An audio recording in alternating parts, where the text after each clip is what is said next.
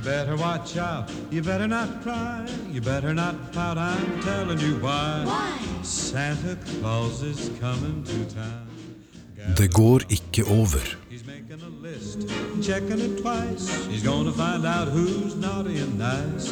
Santa Claus is coming to town. He sees you when you're sleeping. Nesttun, julen 2010. Skal hun si det i kveld? Det svimler for henne ved tanken på at i kveld kan være kvelden. I kveld kan det være. Når gjør man slikt? Kan man gjøre slikt på en første juledagskveld? Hvor lang tid tar det? Hvem skal man ringe til først etter at det har skjedd? Telefonen ringer, det er hennes mor som lurer på hvordan det er med henne. Jo da, mor, det går så greit så, jo da, svarer hun.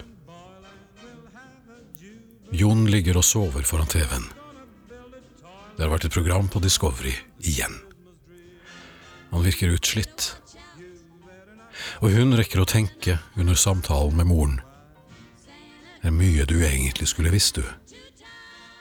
Har du egentlig brukt kvelden godt nok, Jon? Og du, mor, du har etterlatt meg i selskap med løgnen. Og jeg, jeg lyver til min egen mor. Og jeg lyver til deg, Jon. Marius sitter på gulvet og fikler med en av lekebilene han har fått i julegave. Han har akkurat greid å knekke et hjørne av batteriluken, og snart er det ikke mulig å lukke den, og så blir det hyling igjen. Jo da, mor, jo da, vi kom hjem i går, jo da.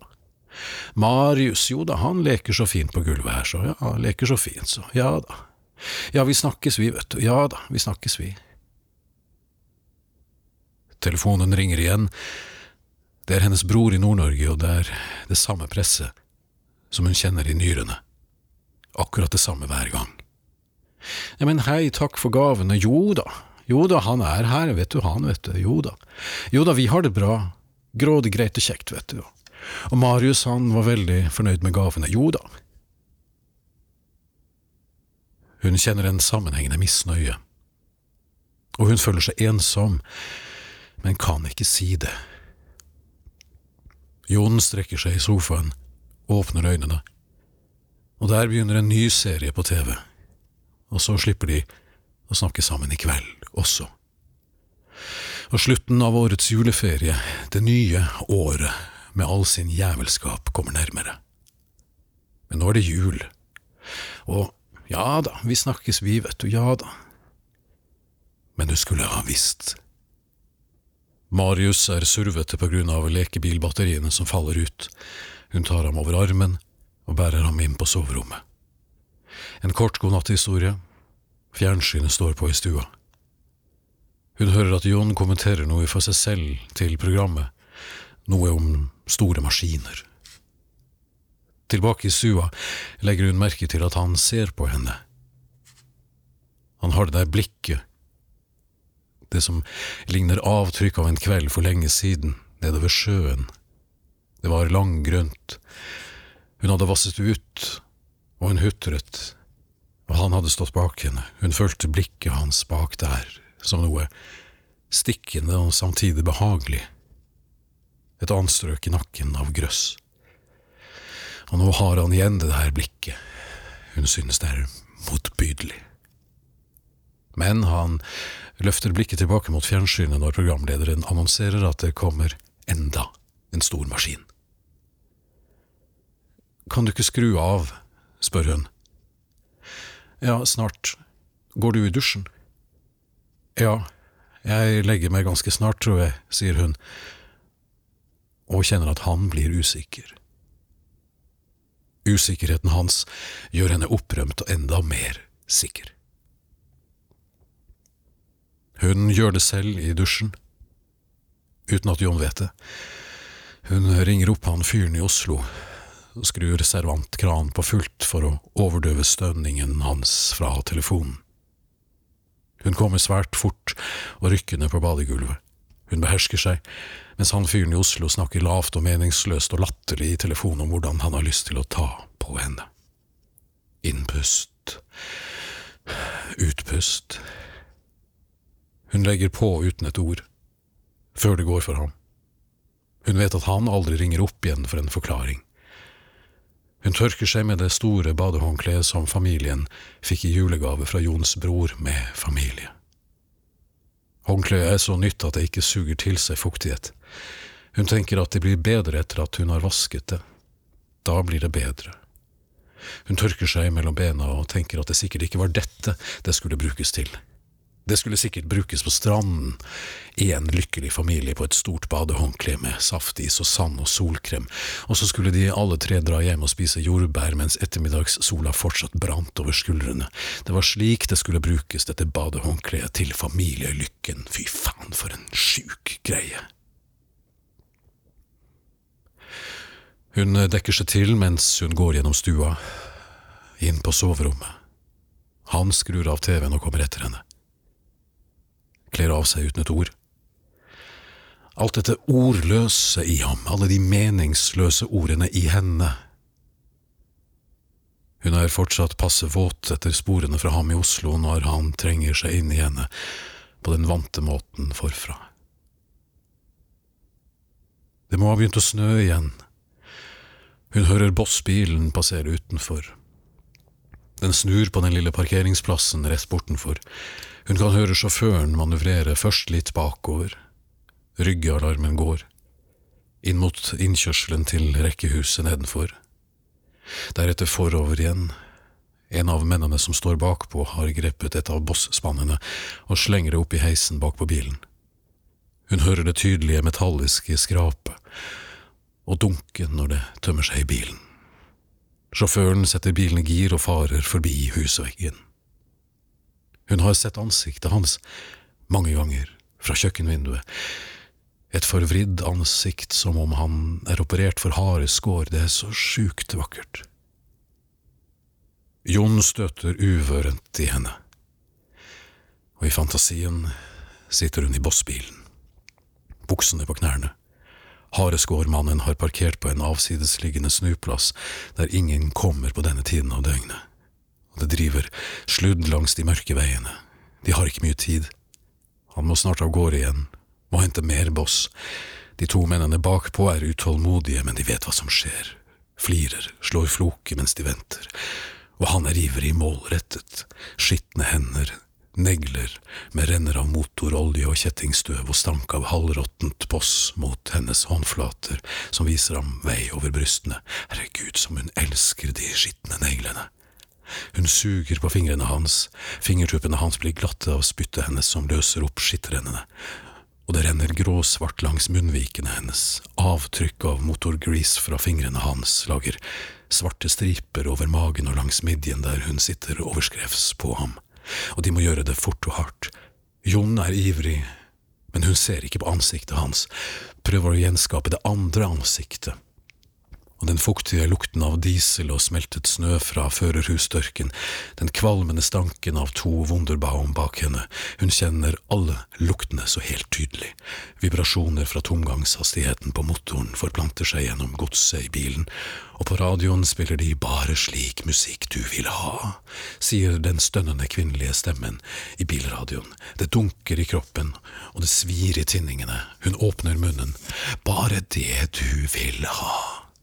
Hun roper noe som blir absorbert av de flekkete setetrekkene, og forsvinner ut i slapset gjennom det halvåpne vinduet på førersiden, og det går for ham i henne mot slutten av I've Been Losing You, der man tror at melodien er slutt, der a-ha feider lydbildet og stillheten blir brutt av den korte trommesoloen som igjen blir avløst av raspende, repeterende gitarriff, hypnotisk, og over i Morten Harket som har blitt hes, uforståelig, hviskende, bassaktig, og til sist i falsett igjen.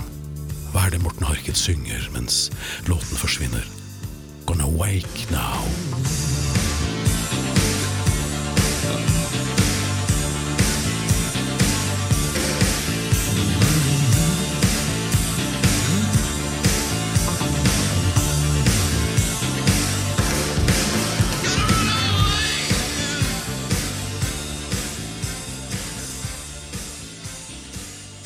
Er nær ved å komme, men de undertrykte gryntene fra Jon distraherer henne, tar henne tilbake til sengesettet som fortsatt lukter vaskemiddel fra lille julaften. Å, fytte grisen, det var deilig, slevjer Jon og trekker seg ut av henne. Sikkelet hans renner over brystene hennes. Hun reiser seg, dekker seg til med håndkleet, plukker opp mobilen fra kjøkkenbenken og går på badet. Jon har sovnet når hun legger seg igjen. Hun vil røske i ham, løfte ham opp etter håret fra puten. Nei, ikke i natt. Man sier ikke slikt på første juledagsnatt. Og det gjør henne fra seg av raseri. Men hun behersker seg. Andre juledag er betydelig mer fokusert. Hun bretter klær. Innpust. Han ser fortsatt på TV, og han vet ikke noe. Men det er da heller ikke så rart. Utpust. Og han ler til TV-programmet, hun fordrar ikke den tørre latteren hans. Holde pusten og ikke si noe. Hun har hørt den latteren gjennom overbærenhet og sex, gjennom meningsløse bilferier og familiesammenkomster, foreldresamtaler i barnehagen. Utpust. Hun lå i natt etterpå og lurte på om det gikk over, om det var noe som vendte og kom tilbake. Noe hun kunne finne, en vei hun ikke hadde sett, om det var noe som gikk over. Men nei, det gjorde ikke det. Jon er i ferd med å begynne den der planleggingen sin igjen. Han tror at det blir bedre av å planlegge sommerferien. Nei, det går ikke over. Hun har forsøkt, men det går bare ikke over. Og i kveld, som alle kvelder før, så blir TV-en stående på. Egentlig burde de ha skrudd den av etter at Marius hadde lagt seg. Men det er lenge siden de burde ha gjort det. Det er mye de burde, for lenge siden. Og han tror virkelig at det hjelper å planlegge sommerferien. Han henter fram reisebøker og kart og bretter all den meningsløse og kvalmende planleggingen sin utover stuebordet om kveldene, og hun sier ja, ja, ja, ja, dit kan vi sikkert reise, mens hun vet at hun burde sagt nei, vi skal ikke reise noen steder, ikke dit og ikke dit og ikke dit, aldri mer, du kan klappe sammen bøkene dine, John. Men hun sier det ikke, ikke i kveld heller.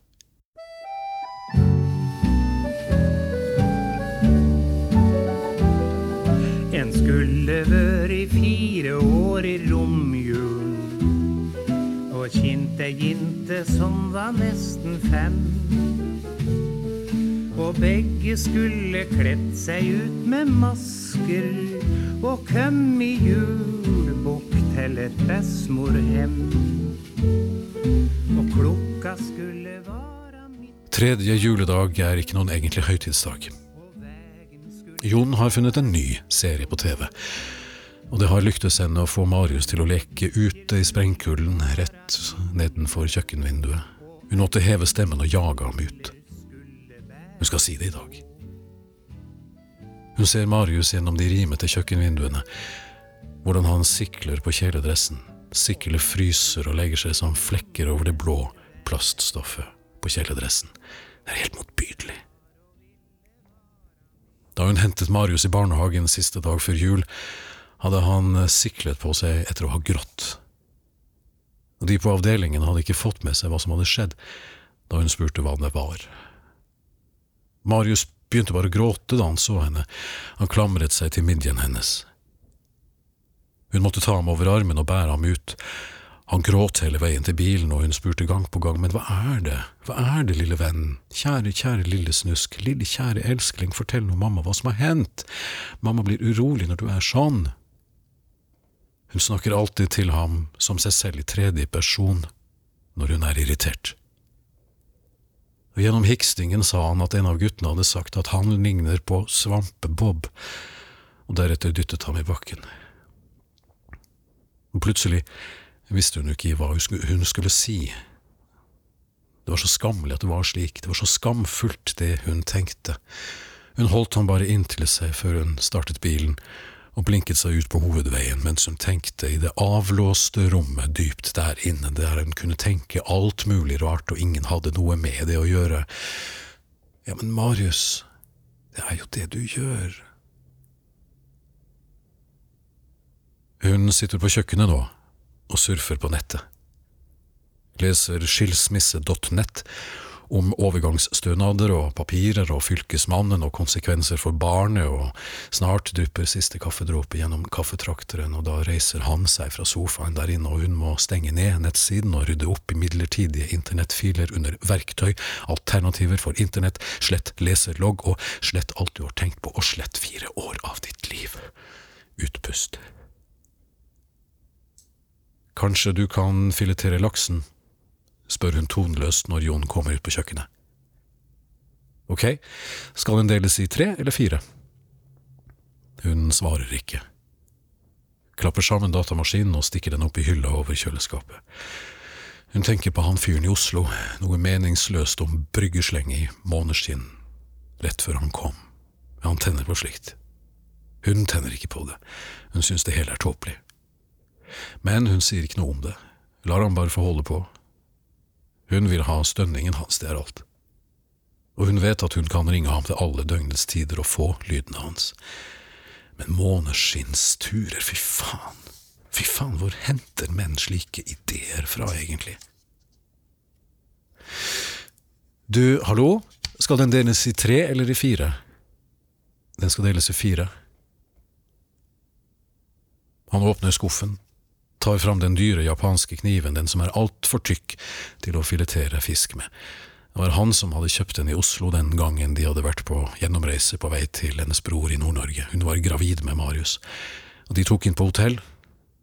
Mens han sto i dusjen på hotellet om kvelden, så stakk hun ut i korridoren og ringte opp han fyren som hun visste var et eller annet sted i Oslo, og sa at hun ville runke ham herfra til helvete.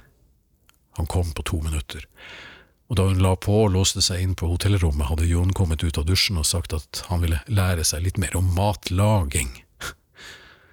Og neste dag så dro han henne med til eh, Rafens i grensen, der han spradet rundt blant reolene og stilte betjeningen kjempepinlige spørsmål om hvorvidt de kunne garantere at knivene var laserslipt. Og til sist hadde han kjøpt en universalkniv til godt over 2000 kroner, og det er den han nå har dratt fram for å filetere laksen med. Men hun skal ikke si noe, hun lar ham bare holde på. Hun ser på hendene hans mens han kløner med fisken. Han er skitten langs neglene. En ubestemmelig masse av noe slag har stivnet som en stripe langs neglebåndene, en grå-grønn farge som fremkaller brekningsrefleks i henne. Og han ødelegger den vakre laksekroppen fullstendig. I stykker skårne fiskebiter klistrer seg til knivkanten. Han er vant til det. Han tror sikkert at alt er som før, han. Og skitten under neglene løser seg opp i fiskeslimet mens han sier sånn. Hun vet jo at han ikke gjør det med vilje. Og det er akkurat det som gjør henne rasende. Hadde det vært med vilje, så kunne han blitt skjelt ut. Men dette, dette er uhåndterbart. Klovn. Din jævla klovn. Men hun sier det ikke.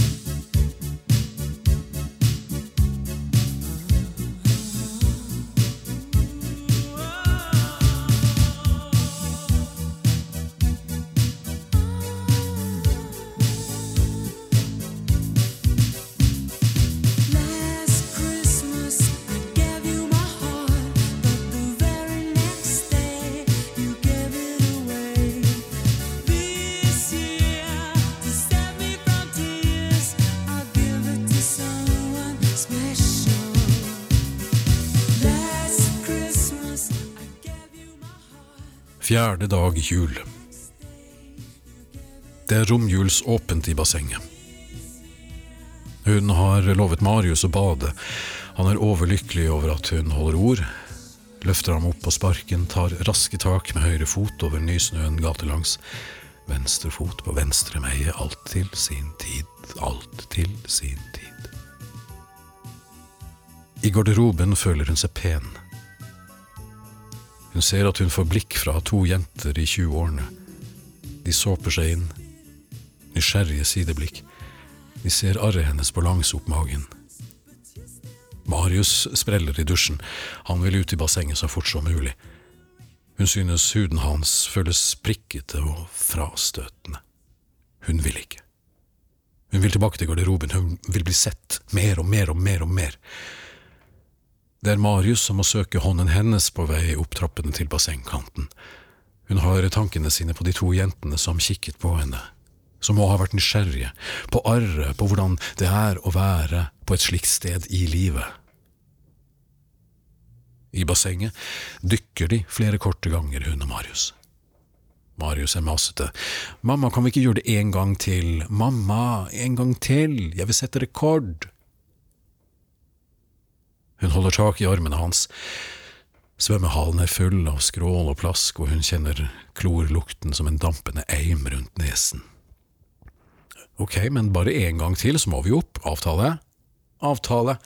Vi dykker på likt, ikke sant? På likt, ja. Men da må du holde meg, ikke sant? Jeg skal holde deg. Er du klar? Si en, to, tre, mamma. En, to, tre.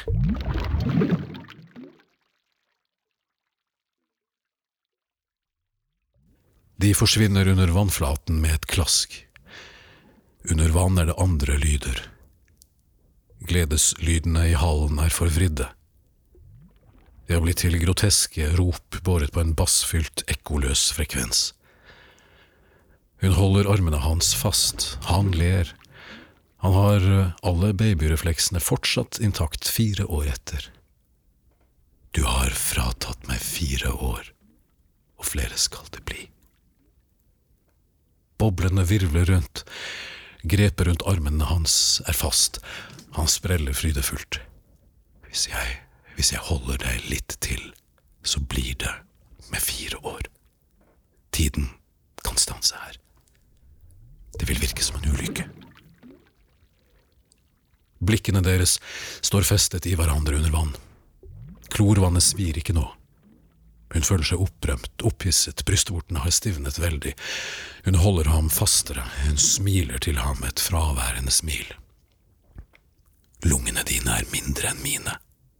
Jeg er stor og sterk og voksen, veltrent. Så du jentene nede i garderoben, de så det, de så hva jeg er i stand til. Jeg kan holde deg fast til døden tar deg, og alt vil virke som en ulykke. Jeg sto på nederste trinnet til et lykkelig liv. Til et lykkelig liv, Marius, men jeg lot meg overtale. Jeg ba deg aldri inn i mitt liv. Jeg lot meg overtale. Hun ser det første glimtet av luftmangel ta form som et undervannsgisp. Snart blir leppene dine blå, Marius. Du vet ikke hva frihet er. Du vet bare hva avhengighet er. Jeg hater deg for din avhengighet. Han fortsetter å smile, og neglene hans borer seg inn i midjen hennes. Nå kommer luftmangelen, hun ser den lille usikkerheten som har tatt form av et spørrende uttrykk i de blå øynene hans. Han leter etter mamma smile, og hun ser glassklart at han sveiper ansiktet hennes for å finne det. Men hun gir ham det ikke. Hun holder. Hun holder til hun kjenner muskeltonusen hans dirre mot håndflatene. Han blir usikker nå, hun ser det. Hun kan se et urgammelt instinkt der i ferd med å slå inn i ham. Dødsangsten. Den angsten som alle skapninger på kloden har felles. Den som får gaseller på afrikanske stepper til å reagere på et hundredels sekund, når vinden dreier og avslører rovdyret. Eller den lammende redselen etterfulgt av fluktinstinkt som rammer en pasient som får dødsvarsel av legen. Marius har det nå, fluktinstinktet tilbake til livet. Alle som står i fare for å dø, får det. En refleks i ham tar over, han kaver med blikket. Musklene hans tar kontrollen, han blir overraskende sterk, men hun holder, går ned på kne, tvinger ham ned på kne på bassenggulvet, helt ned mot den flislagte bunnen. Leppene hans er i ferd med å skifte farge mot lyseblått. Han ser virrende på henne med klorsprengte røde øyne. Og så slipper hun.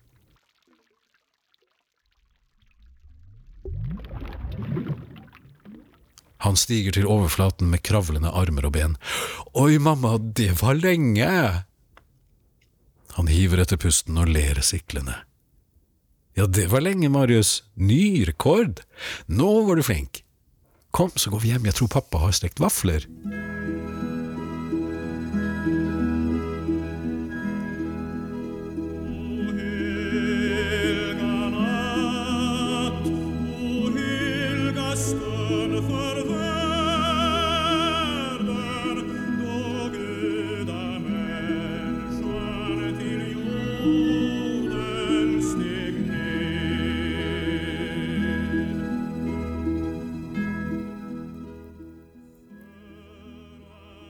Lille nyttårsaften. Krumkakene er som samtalene rundt kaffebordet. Passe runde, passe alminnelige og akkurat like søte som i fjor. Jons mor spør om dette med hårblekingen, hva skal det bety? Hun har jo vært brunette i alle år. Hun svarer ikke, men snur på gifteringen, trekker den litt opp og ser at sommeren sitter igjen som et blekt minne under den forgylte fasaden. Nei, nei, du, du bestemmer jo selvsagt selv, sier Jons mor og presser kremen ned i en krumkake til Marius. På hjemturen tar hun seg og tenker på svigerfar. Hun tenker på ansiktet hans. Har du et eh, minutt? hadde han spurt. Så hadde hun nikket, og de sto ute på verandaen, som under en av slike gamle glassbobler som man kan riste på ved juletid slik at kunstig snø faller over et beskyttet tablå over fast stivnede figurer. Innelukket. Ingenting inn. Ingenting ut. Ingen lyder. Og ingen sa noe på flere minutter.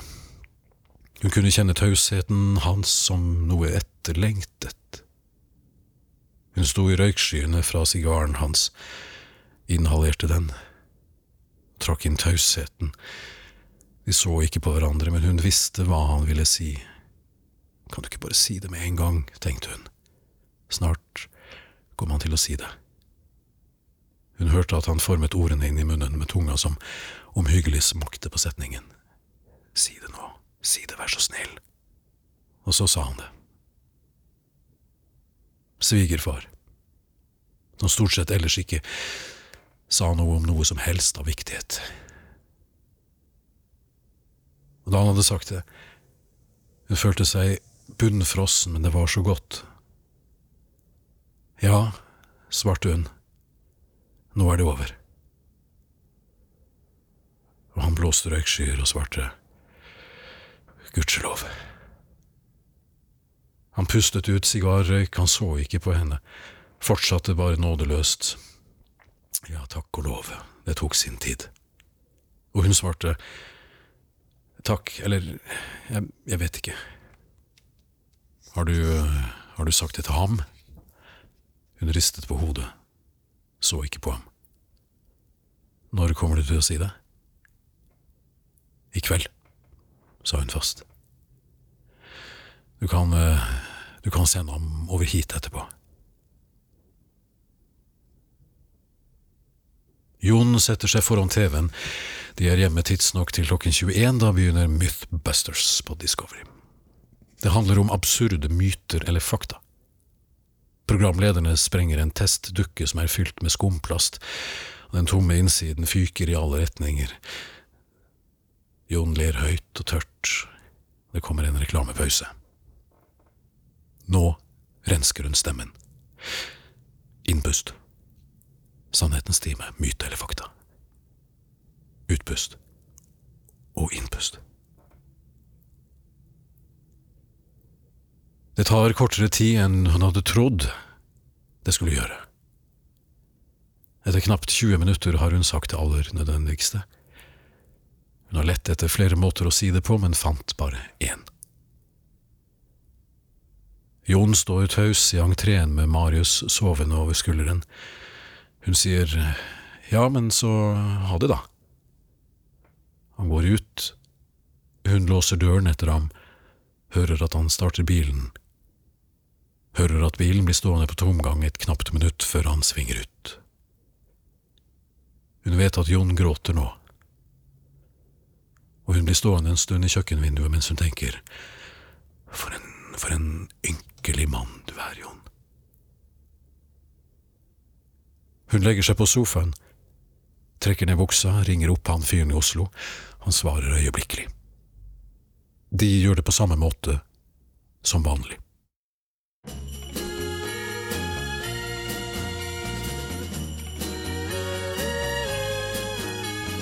Santa can keep the hi-fi set. There's something that is better yet. I want ooh your Christmas kisses.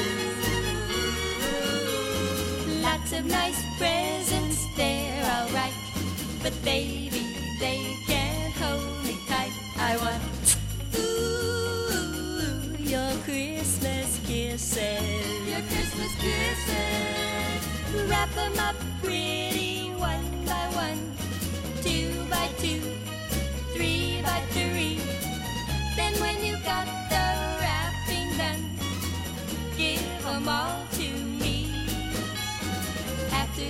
Mistletoe. Is hung, the tree is trimmed, the carol sung. I want